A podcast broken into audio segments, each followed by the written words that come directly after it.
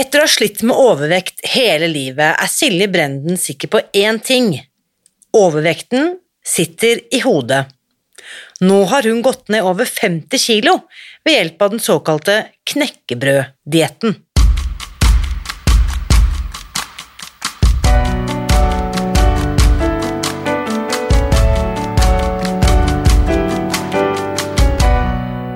Mitt navn er Irina Lie. Jeg er journalist og forlegger, gründer og sosial entreprenør. I 2015 spiste jeg meg fri fra overvekt og fedme etter å ha slitt med vekt, kropp og følelser i nesten 30 år.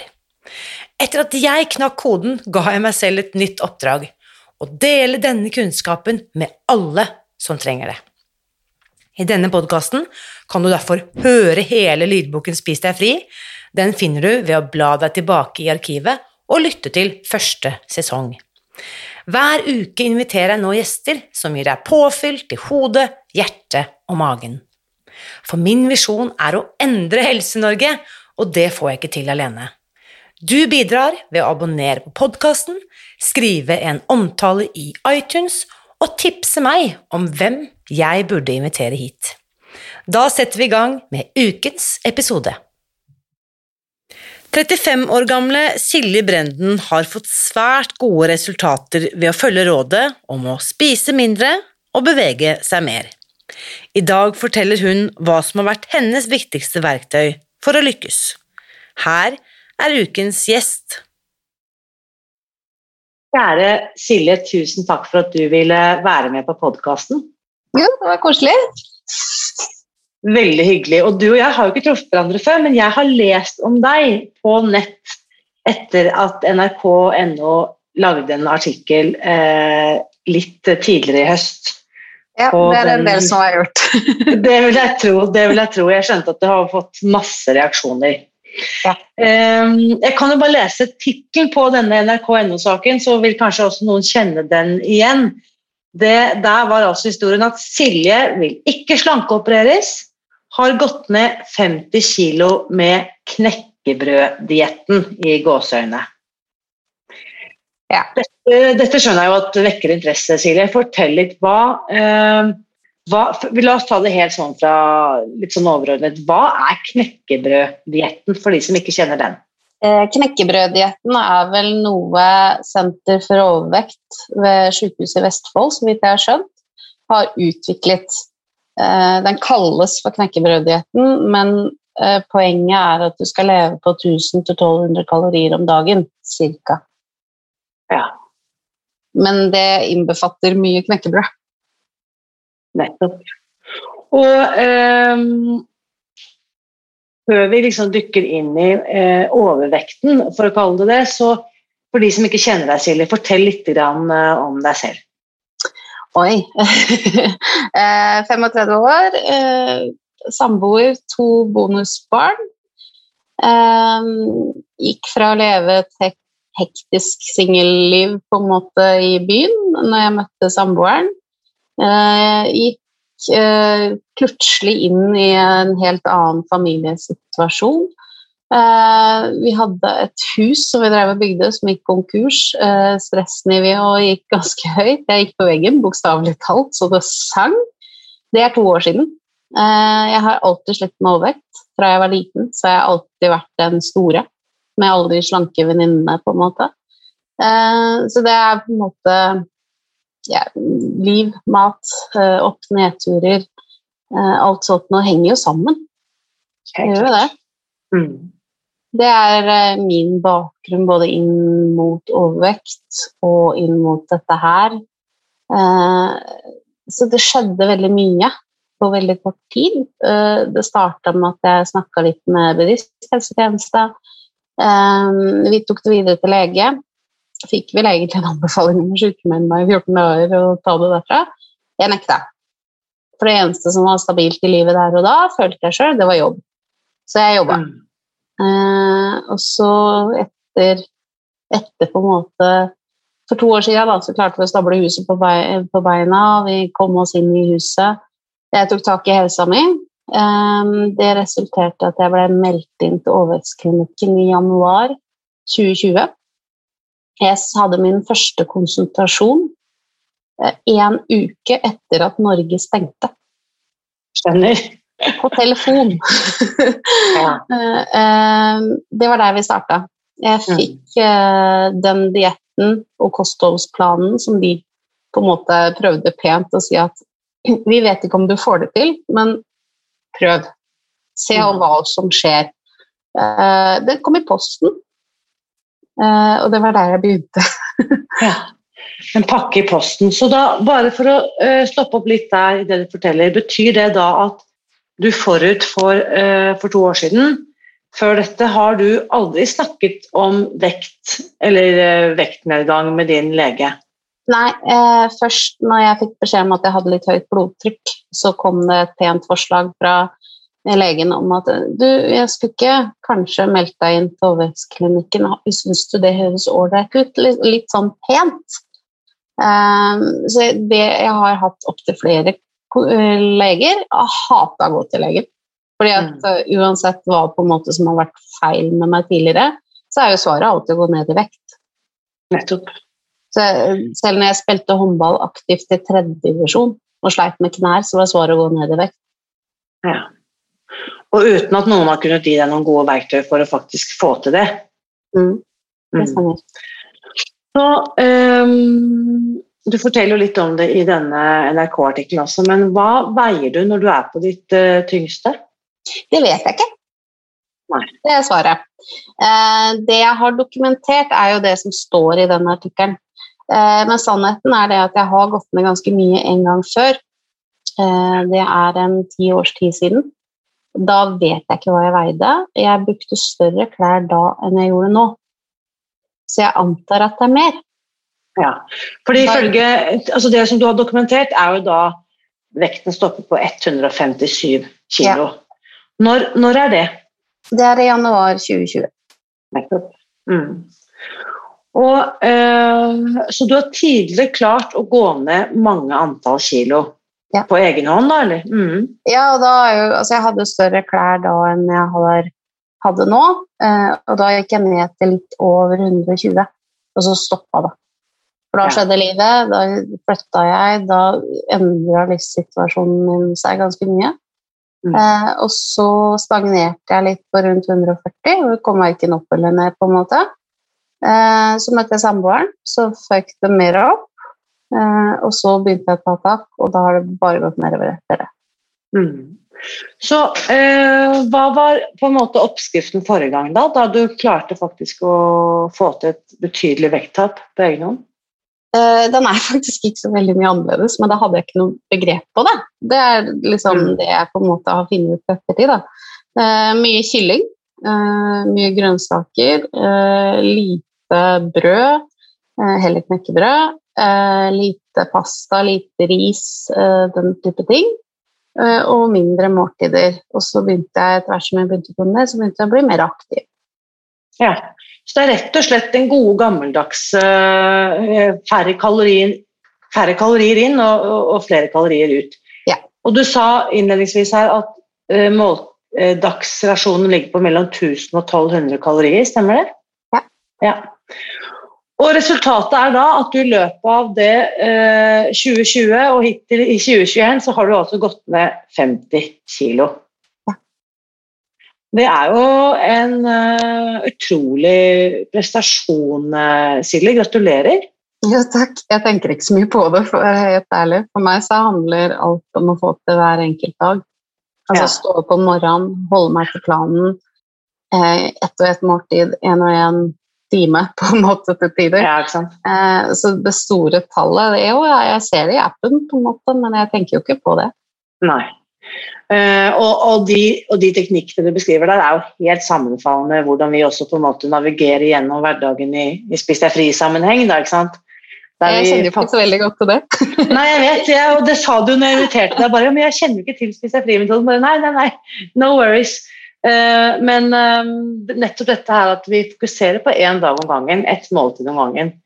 Eh, en bit om gangen de dagene det er mm. nødvendig.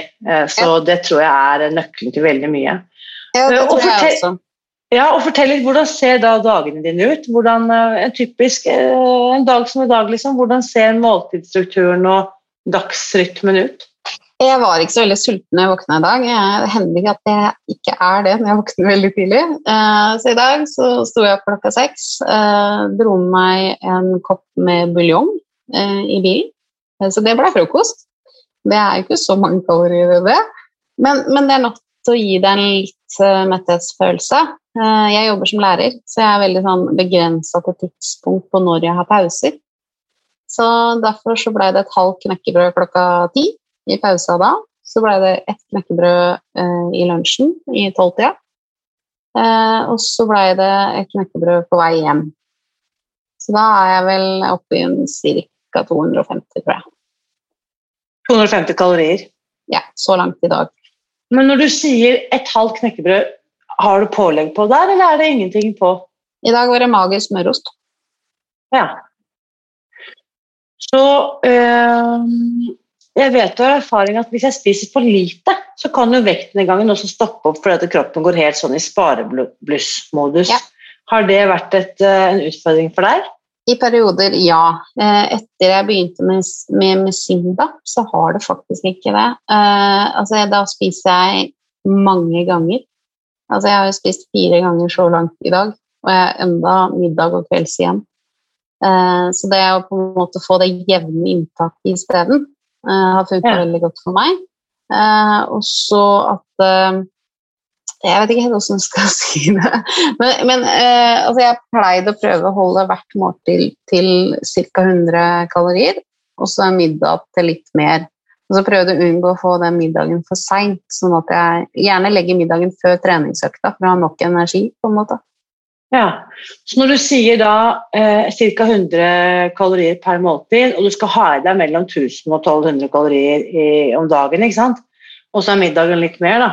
Mm. Hvor mange måltider spiser du da i løpet av en dag? Prøver å få til fem.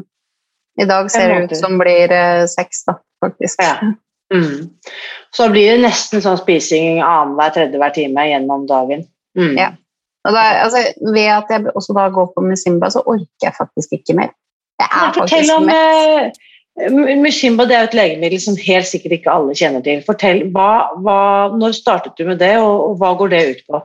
Eh, Mesimba er jo et ganske nylig godkjent legemiddel, og det kommer jo flere ut. Og det finnes over er vel tre veldig vanlige varianter i dag. Mesimba er en av de. Men simba er et legemiddel som egentlig er lagd eh, som et antidepressiva middel, men det brukes ikke til det. Eh, fordi at eh, det har en del bieffekter. Eh, og den største og farligste av de er jo selvmordstanker. Så vi, vi er ordentlig der. Eh, og eh, altså det den gjør, det er å faktisk trigge et lykkesenter i hjernen, sånn at du ikke trenger mat for å trygge det lykkesenteret. Det fører til at det er helt greit å være litt sulten. Altså Du føler ikke behov for å spise fordi faktisk magen til tider rumler. Mm. Det er en litt merkelig følelse når du har nesten panikk tidligere for å i det hele tatt bli sulten. Ja, ikke sant. Så eh, dette legemiddelet påvirker rett og slett psyken din kjemisk. Ja. Og det er jo, jeg må jo bare si at det er jo litt underlig da at et middel som blir utviklet for å forebygge depresjon, kan ha selvmordstanker som en bivirkning. Ja, nesten alle antidepressive piller har det. Går med en pussekatt her. Ja. Vi ser hverandre på syn, men kanskje lytterne hører en liten pussekatt i, i bakgrunnen. Det, det, er hyggelig, hyggelig med selskap. Ja. Så, um, når var det du begynte på, på, Er dette noe man tar i tablettform, eller er det Ja, det er en tablettform. Uh, du får det hos fastlege. Um, det jeg begynte i juni, uh, og når jeg var Nå i år? Nå i, år. i 2021? Ja. Mm. Det vil si at jeg hadde gått ned ja, i hvert fall 20 kilo før det. Mm. Mm. Nesten 30 kilo, tenker jeg. Før jeg begynte i det hele tatt på det. Um, og den er ikke noe slankepille i det hele tatt. Altså, det er et hjelpemiddel. Hvis ikke du gjør noe med kosten i tillegg til den pilla, så vil det ikke funke. Nei. I det hele tatt. Um, men den stagner jo litt hungeren for usunne ting. Det gjør den jo. Ja, for den, du får jo ikke disse her, dette suget eller disse cravingsene på samme måte som tidligere. tidligere. Mm. Når jeg gikk til legen og spurte om jeg kunne få den pila, så var det rett før jeg gikk på kjøkkengulvet foran eh, godteriskapet, liksom. For at jeg brukte Mm. så mye energi på å stå imot det suget. eh, at jeg holdt på å bli sprø. Og jeg, liksom, jeg hadde ikke nok overskudd til å faktisk gjøre aktive ting som jeg hadde lyst til. Ikke fordi jeg ikke orka, men fordi at jeg brukte så mye energi på å stå imot presset. på en måte. Så den pilla for meg tok liksom toppen av det, Mm. sånn at jeg faktisk kunne gjøre det jeg egentlig hadde planlagt å gjøre. Nettopp. Eh, Mm. Og det var veldig behagelig. Eh, men eh, hvis du går til fastlegen din og får innvilga disse pillene her, så får du beskjed om at du skal trappe opp fra én til fire, og så skal du ligge på fire. Og ifølge sykehuset så er det ganske feil. Eh, og da får du også beskjed om at du skal ta det på morgen og på kveld. Eh, det er bortkasta å ta det på kveld, ta det heller i 4-5 på ettermiddagen, for da fungerer den utover kvelden, istedenfor å ta den når du går og legger deg. Nei, Du trenger ikke noe hjelp til å holde ut når du ligger og sover. Det er ikke der eh, viljestyrken settes på prøve, som regel. Mm. Ja, altså, når jeg har vært på sykehuset i Tønsberg, hvor på en måte kompetansen faktisk sitter, da, så sier de at uh, det er helt greit å ta de pillene, men du trenger jo ikke å ta mer enn du føler behovet for. Hvis det er en kveld jeg ikke føler behov for å ta noen ting, så gjør jeg ikke det. Og jeg ligger per nå på to piller om dagen, ikke fire. Fordi at. Mm. Unnskyld. ja, og så er det noe med det at eh, hvis du tar for mye, så får du fort bieffekter. og dem har, du, har jeg prøvd litt. Og det er alt fra at du blir svimmel og vondt i magen, til selvmordstankene. Eh, Du, har, vært, du har kjent på hele det spekteret av ikke bivirkninger. selvmordstankene. Jeg har, eh, jeg har hatt vondt i mage, jeg har vært kvalm, eh, jeg har vært svimmel. Eh, den type ting har jeg vært, og det har gjerne med pillene å gjøre. Det kan komme litt i perioder, og jeg var oppe på tre piller og var svimmel et par-tre dager på rad. Jeg trodde egentlig jeg var sjuk. Liksom. Mm. Men da snakka jeg med legen. Legen anbefalte meg å gå litt ned på dosen. Da gikk jeg tilbake til en to, og så gikk det to dager, og så forsvant alt sammen. Så du skal være litt forsiktig når du driver med det, og det er veldig greit å ha noen som kan det her i bakgrunnen. Altså. Det vil jeg tro at du har litt eh, kompetente fagfolk eh, som kan følge deg på dette. Men er dette noe du da, er denne Musimba-tabletten eh, noe du da står på midlertidig, eller er dette noe du skal fortsette med? Um, ja og nei, kan du si. Um, jeg tror ikke de tar den fra meg på dagen, for å si det sånn. Ehm, men det er jo ikke ment at jeg skal gå på det livet ut heller. Nei. Så det er det mens jeg går ned, og så skal jeg gå av pillen. Ja.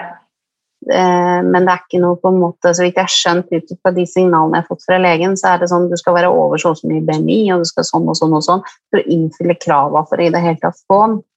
Men det betyr ikke at når du går under 30 BMI, så er det ikke sånn at da, nei, da får du den ikke lenger.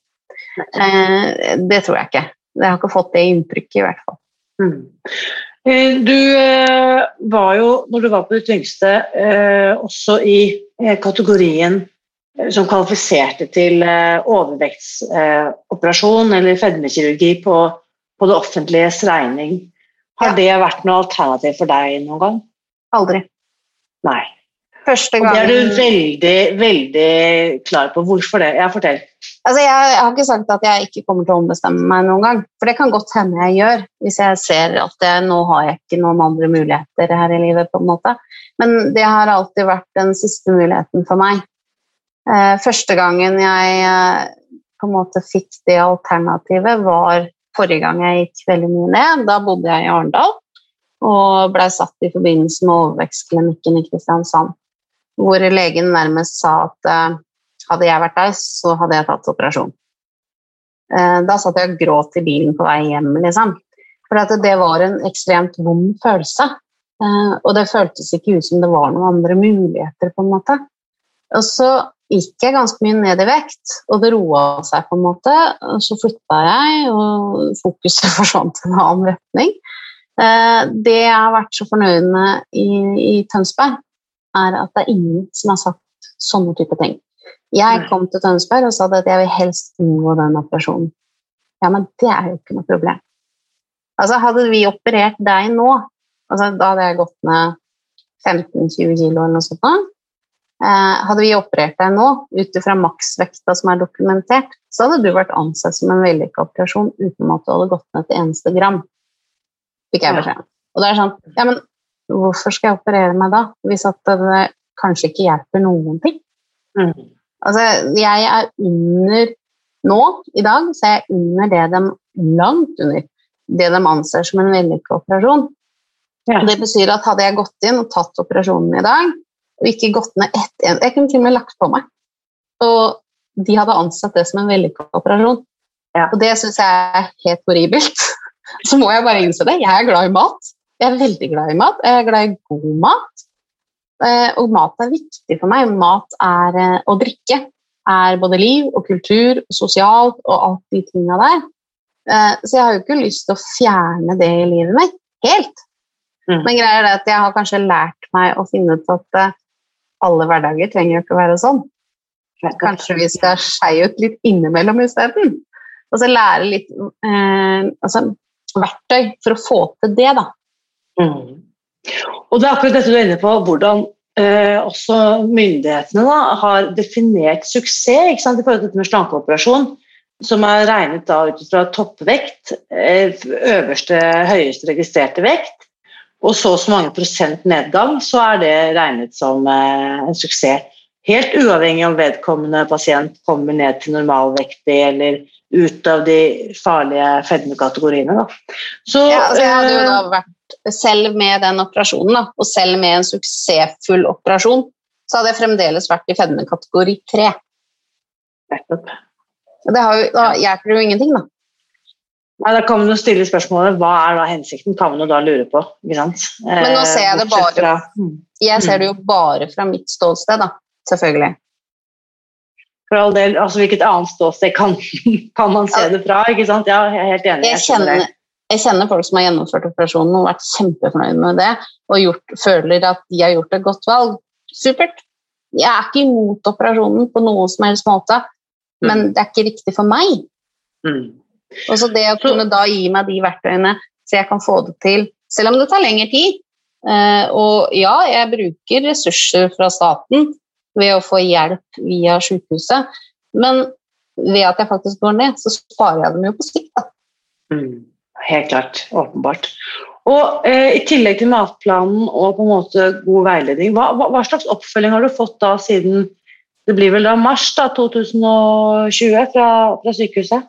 Ja, jeg kom inn eh, mars 2020, så hadde jeg første legetime på telefon. Eh, deretter kom jeg inn til en fysioterapeuttime på overvekstklinikken som heter Solvang eh, i Tønsberg. Eh, og snakka med en fysioterapeut eh, og fikk liksom litt veiledning. Jeg tok sånn Tanita-vekt, hvis du kjenner til det. Nei, kjenner jeg ikke til. Eh, nei, det er sånn litt sånn slem vekt, kaller jeg det. du steller deg på den, og så sender de da strømimpulser gjennom kroppen din. Så de måler hvor mye fett, hvor mye muskler du har Ja. altså i armer og bein og mage. Og indre, ja, den, det er mye stygge tall eh, når du er litt overvektig. Eh, men det blir bedre etter hvert, da, forhåpentligvis. Og det, det har det blitt. Altså. Men eh, den er veldig skummel. Eh, og da eh, hadde jeg den gjennomgangen i fjor sommer, som ga meg veldig stor motivasjonsboost. Uh, og det holdt nesten fram til jeg ble innkalt på uh, kurs. Det holdt i hvert fall til påske i år. Um, så hadde jeg en liten opptur, gikk opp et par kilo. Og så kom jeg inn på et introduksjonskurs. I Tønsberg så er det sånn at du er nødt til å komme deg gjennom det introduksjonskurset uansett. Både i forhold til livsmestring og i forhold til operasjon, så må du gjennom samme kurset først. Og det kurset varer i et halvt år. Og det er hver eneste uke i et halvt år. En halv dag. Så det betyr at hver fredag fra mai så har jeg møtt opp på sykehuset. Vi har hatt teoriundervisning, vi har samtalegrupper, og vi har hatt treningsøkter.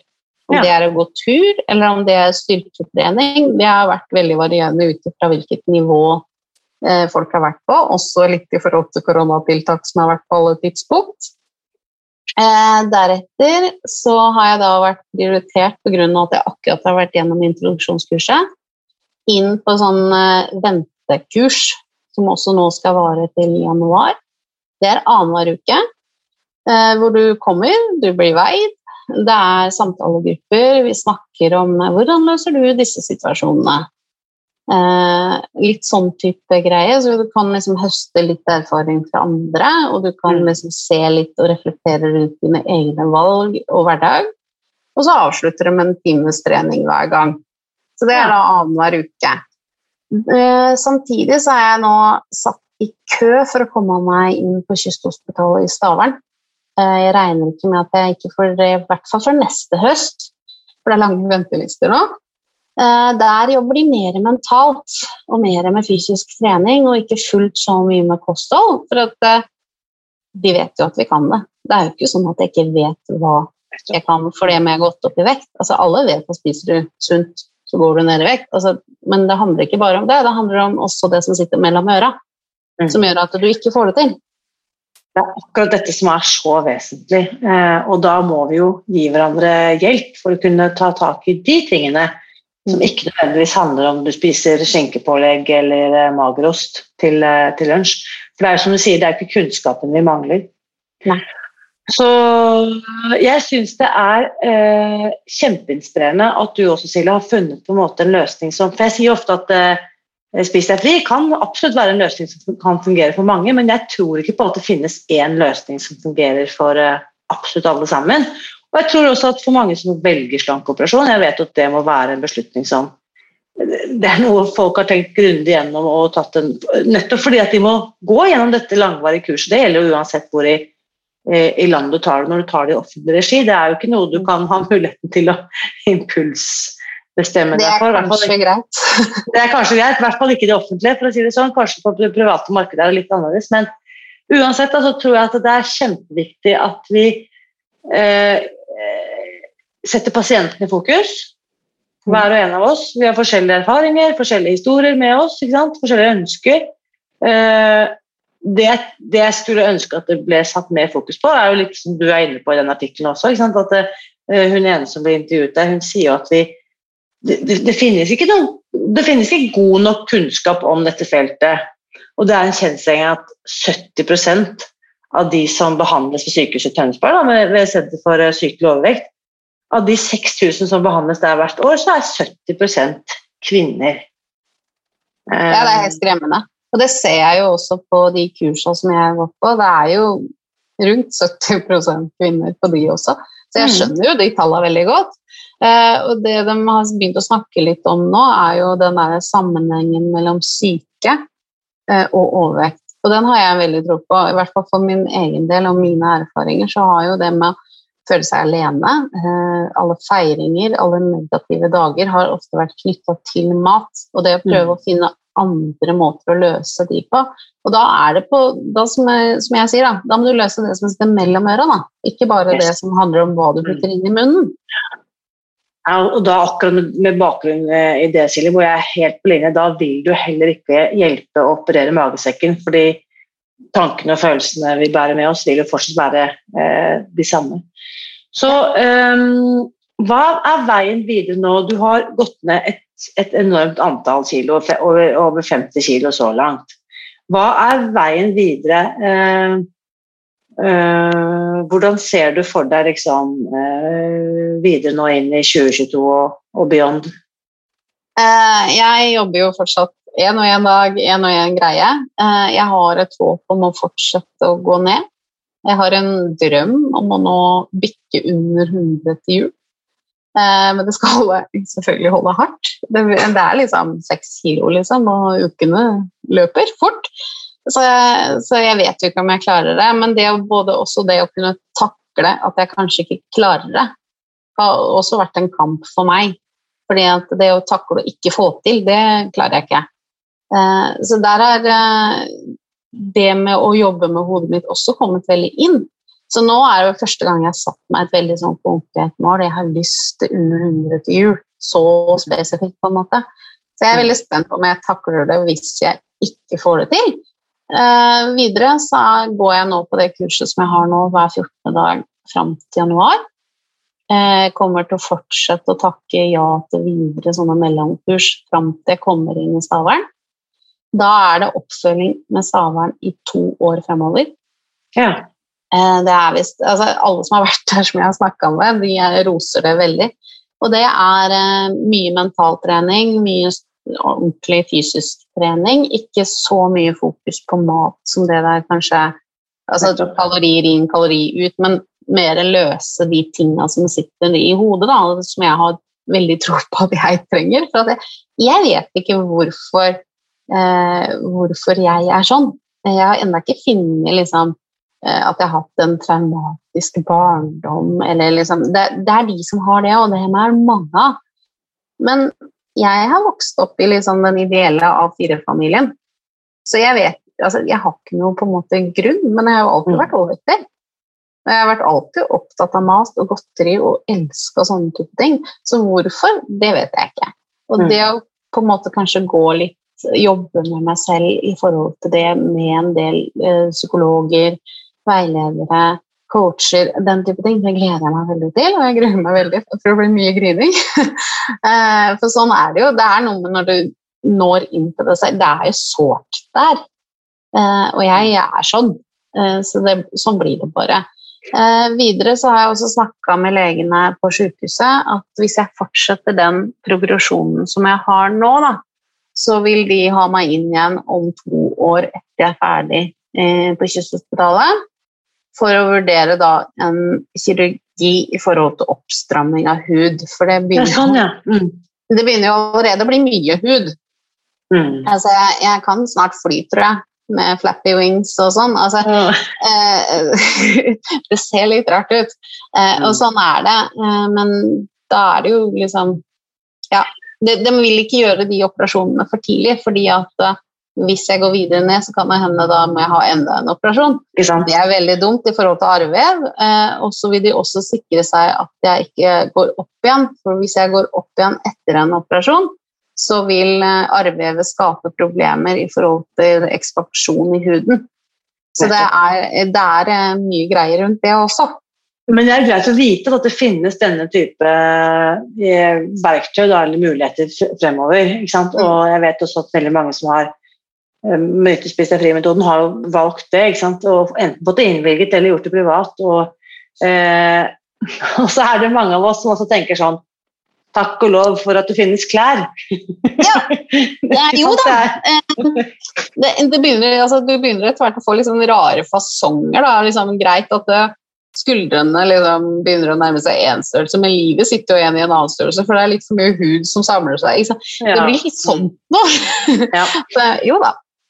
Nei, og jeg tror nok alle, alle, vi som på en måte har gått ned i vekt, kan relatere til det du forteller, Silje, selv om kanskje ikke alle kan vise til vekta på, på over 50 kg. Men har du, ser du for deg, kan du visualisere, siden jeg antar da at du også i likhet med meg før jeg gikk ned i vekt, har kanskje aldri i voksen alder vært normalvektig? Eh, stemmer det? Jeg har aldri i hele mitt liv vært normalvektig, hvis du spør meg.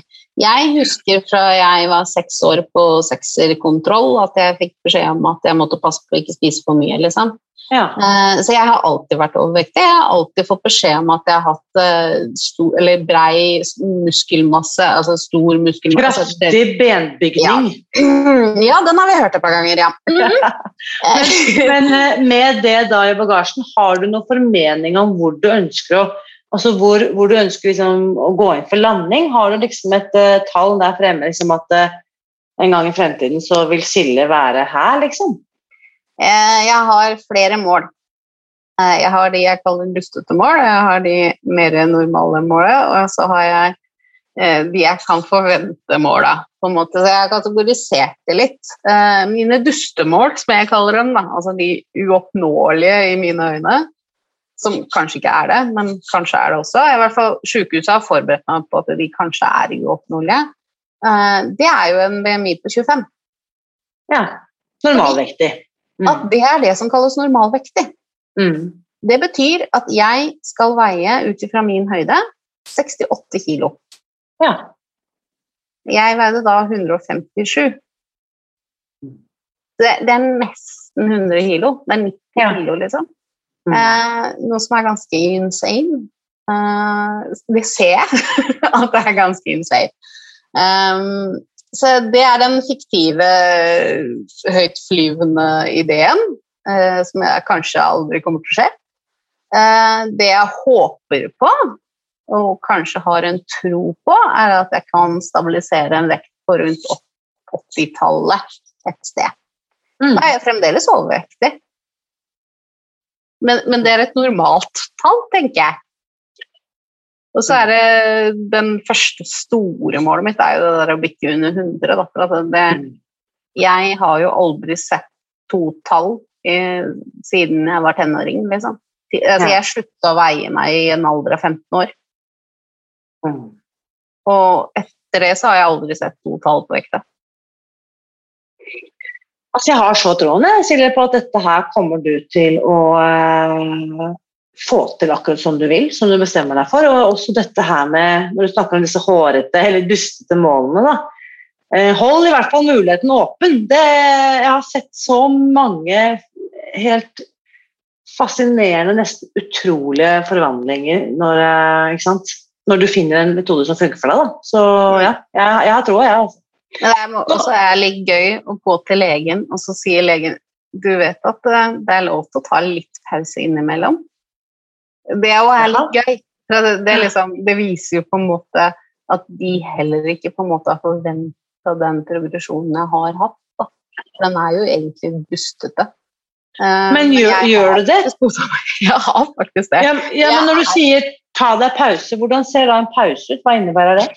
Ja, den største pausen jeg har tatt nå siden jeg begynte, var faktisk nå i høstferien. Da hadde jeg fri. Jeg reiste på hytta, jeg spiste biff og soppstuing, og jeg drakk vin og øl. Og jeg fløy opp en par kilo, men eh, da kosa jeg meg. Og det var verdt det, på en måte. Og greit, da kommer det to kilo seinere i mål. Greit, det. Men innimellom så må du nyte livet litt òg. Men er det da sånn for deg at når du da kommer tilbake igjen på mandagen, så er, de, så er det ikke noe problem å, å komme deg tilbake på skinnene igjen? Det kan selvfølgelig være litt hardt første dagen, Eh, mm. Du må ta deg litt i nakken de første par dagene, men uh, nå er det ikke noe problem. Men det går mm. fortere, altså det er lettere og lettere for hver gang. Ja. ja. Tenker jeg. Altså når du vet rutinen, og det å ha forutsigbarhet, det å vite hva du skal spise til frokost Jeg har tre-fire alternativer. Det er samme hvem av dem jeg spiser. Jeg spiser den av de fem alternativene jeg på en måte har. Uh, så jeg bestemmer aldri liksom, dagen før hva jeg skal spise til frokost. Jeg er ikke der. Men mm. jeg går aldri i tar noe annet enn det jeg i utgangspunktet skal ta, for det er alternativene mine. Ja, så du har på en måte begrenset valgmulighetene? Mm. Jeg har lagd et system. Og det handler ja. mye om planlegging. For meg, og på en måte det jeg har lært via sykehuset, da, er eh, planlegging, planlegging og planlegging. Altså, vi har dratt det så langt at når gubben ble litt for lei alle Post-It-lappene mine med middagsplaner, så lagde han et Excel-ark til meg. eh, der er det datoer, eh, der er det ukedager, der er det hvorvidt vi har barn eller ikke i hus. Eh, der er det middager, og der er det linker til oppskrifter. Så eh, hvis man skal komme med middagsønsker her i huset, så må du komme dem med god tid. For den neste måneden er planlagt. Jeg må inn i Excel-skjemaet. men, men, jeg vet at der har jeg gått mye lenger enn det som er normalt, da.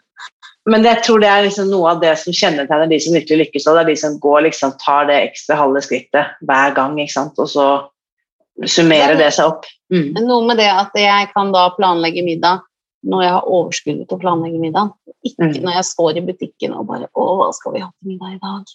Ja, nei, Det tror jeg er gulltips. Altså det, uansett hva slags metode man følger, så er det akkurat det å planlegge når du er på ditt beste, og ikke når du er liksom, på ditt mest sultne eller ja. ensomme eller triste.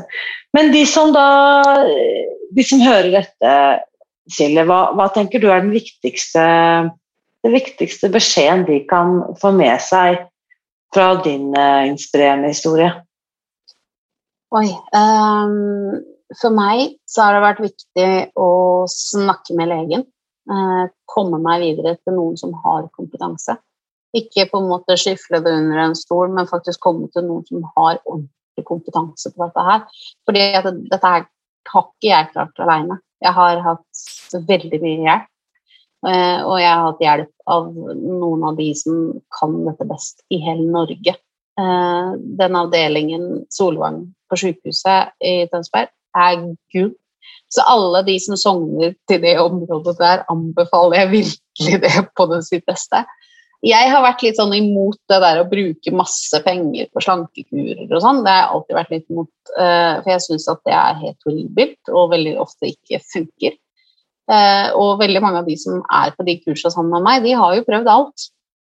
Ja. Altså, men grunngreia i de tinga som faktisk funker, de er veldig like. Og det er forska på. Om du da velger å ta det via sykehuset eller via deg, eller via Grete Rode for den sakens skyld, da, som bruker samme opplegget som sykehuset har også, så er jo det egentlig akkurat det samme. Men det bånder egentlig i det at du har et supportnettverk rundt deg. Du har noen du kan Altså, jeg har sittet hos legen og grinet for at jeg får det ikke til. Og det er mm. uka før gikk jeg ned to kilo. Mm. Men det handler ikke om at jeg ikke egentlig får det til. Det handler om at jeg har en følelse av at jeg ikke får det til. Og det å bli tatt eh, Altså at du blir sett på som helt seriøst. Og det er hodet mitt som krasjer. Det er, altså jeg får det jo faktisk til. Altså, vekta fortsetter å gå ned og gå ned, og gå ned, men det å takle de hyllene, og det at det stopper opp, og til og med kanskje går opp noen uker, og det at du får hjelp til å forstå hvorfor, og forstå hvordan kroppen fungerer og henger mm. sammen, eh, og at det faktisk det noen gang Hvis det stopper helt opp, da, så kanskje du er nødt til å begynne å spise mer. Nettopp sånn som Ja, ikke sant? som virker så sant, eh, kontraintuitivt. Jeg tror det du sier her, er så viktig. Jeg håper folk liksom noterer seg det du sier, Silje. Be om hjelp. Og det vi trenger, hver og en av oss, er å ha et godt support-nettverk rundt oss, for vi får det ikke til på egen hånd. Silje, jeg håper at vi kan holde kontakten, og, og kanskje også at, kan, at, du kan komme tilbake til podkast en gang. For dette, vi må høre hvordan det går med deg fremover også. Det kan vi sikkert få til. Herlig. Tusen takk for praten, og vit at eh, jeg heier på deg. Jo, takk. Nå lurer jeg på, hva tenker du etter å ha hørt min eh, samtale med Silje i dag? Samtalen etter ukens episode fortsetter som vanlig i den åpne Facebook-gruppen vår Spis deg fri. For vi vet jo alle sammen at det finnes ikke én metode som passer for alle. Så del gjerne dine erfaringer og hva som har funket for deg for å gå ned i vekt. Og hvis eh, du som hører dette er fastlege eller gynekolog eller jobber med pasienter med overvekt og fedme, så vil jeg invitere deg til å melde deg på vår liste for helsepersonell. Da sender jeg deg litt informasjonsmateriell om Spis deg fri i posten, som du kan dele ut til dine pasienter helt eh, gratis. Og du melder deg på ved å gå til spisdegfri.no skråstrek fastlege. Og mitt ønske er nemlig, eh, hvis du som er lege eller jobber med pasienter, selv har gode erfaringer med Spis deg fri, eller kanskje du har møtt pasienter som har hatt god effekt av denne metoden, så vil jeg at du skal få muligheten til å dele denne kunnskapen med flere som trenger det. Det kan du altså gjøre ved å registrere deg på spisdegfri.no fastlege, så sender jeg deg litt informasjonsmateriell eh, i løpet av uken. Og neste uke da får jeg besøk av en veldig spennende gjest. Da er temaet hva som kjennetegner dem som faktisk lykkes med varig vektnedgang. Og den episoden vil du ikke gå glipp av, så kom tilbake da. Husk også, uansett hva du velger å gjøre for å ta vare på deg selv, så vit at jeg heier på deg. Alltid.